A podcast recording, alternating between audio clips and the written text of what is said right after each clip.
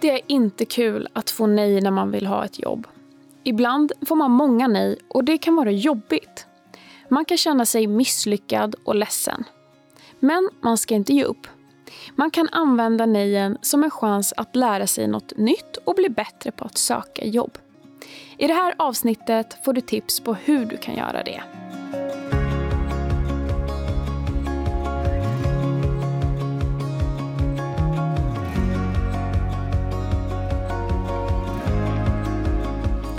Välkomna till Ny i Sverige-podden. En podd när vi förklarar, tipsar och ger goda råd om att söka jobb och att jobba i Sverige.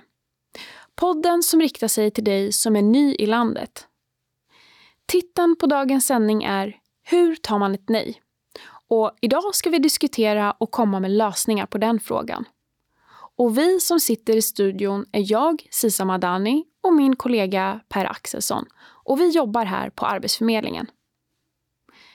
Per, vad kul att vi är igång igen. Ja, eller hur? Och som vanligt har vi mycket att prata om. Precis. Och du Sissa, när vi planerade det här programmet så sa du en sak som gjorde mig väldigt nyfiken. Vad då? Jo, du sa ett nej är ett steg närmare ett ja. Och då hann du inte riktigt förklara, men jag vill verkligen veta vad du menade. Kan du berätta det nu? Absolut. Men för att förstå bättre så skulle jag vilja att vi diskuterar lite runt varför ett nej kan göra så ont. Är det okej? Okay? Ja, det låter bra. Jag vill läsa en mening för dig, Per. Kör. Tack för visat intresse. Men vi har valt att gå vidare med en annan sökande till tjänsten. Oh, nej, det är inte roligt när man har lagt ner mycket kraft på att skriva en ansökan och man vill verkligen ha jobbet. Och det är alltid lika jobbigt. Jag fylls av massa känslor när jag får den här arg, ledsen och förvirrad. Det är jättevanligt. Man börjar ställa sig frågor. Varför blev det så här? Gör jag något fel? Varför är det så svårt och jobbigt att få ett nej? Forskningen säger att det är en gammal funktion. När vi levde i skogen, i grottor, i små stammar kunde ett nej betyda att vi blev utkastade från gruppen, vilket ofta innebar svält och undergång. Men samhället har ju ändå gått framåt sedan dess. Absolut. Men våra biologiska funktioner är fortfarande väldigt gamla. Vi påverkas känslomässigt starkt när vi får ett nej. Ja, det tror jag också. Men du, har du några konkreta tips hur man ska ta ett nej? Mm. Det är viktigt att komma ihåg att alla får ett nej ibland och det är en naturlig del av livet. Det hör till.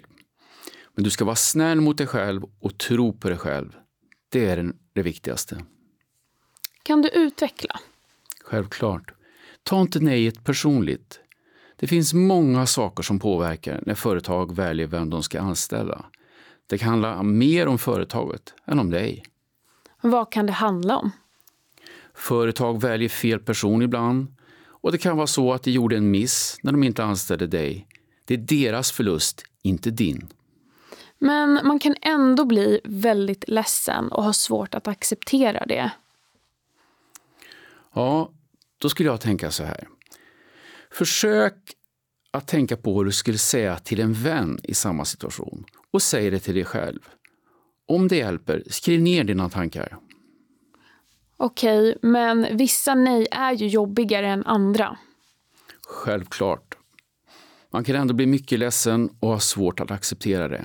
Det är lätt att gräva ner sig, men tänk om något ännu bättre väntar runt hörnet. Men vänta nu, det är ju precis det här jag ville utveckla. Är det? Vad kul. Kör. Jo, så här. Ett nej kan vara din möjlighet till att tänka om och tänka nytt. Nejen hjälper oss att växa som människor. Det här är jätteintressant.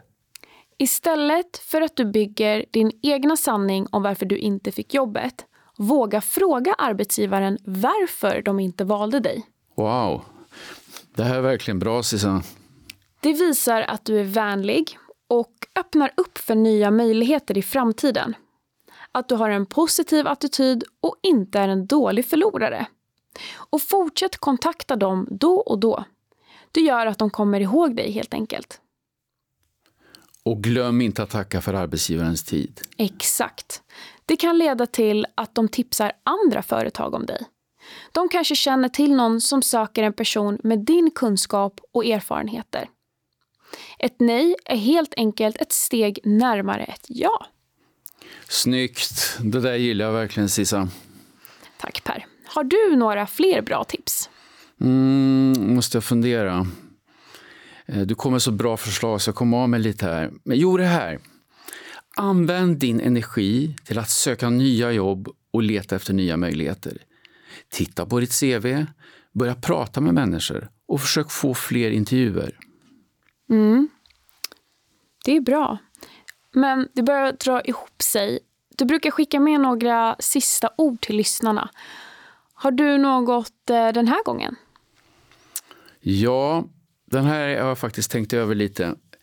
Jag skulle säga så här. Försök att vara glad och tänk på bra saker i nejet istället för negativa saker. Det kan kännas konstigt, men när du fokuserar på de positiva sakerna kommer det fylla ditt liv. Och det får bli de avslutande orden. Tack för att du lyssnade idag. Om några veckor är vi tillbaka med ett nytt avsnitt. Ha det så bra!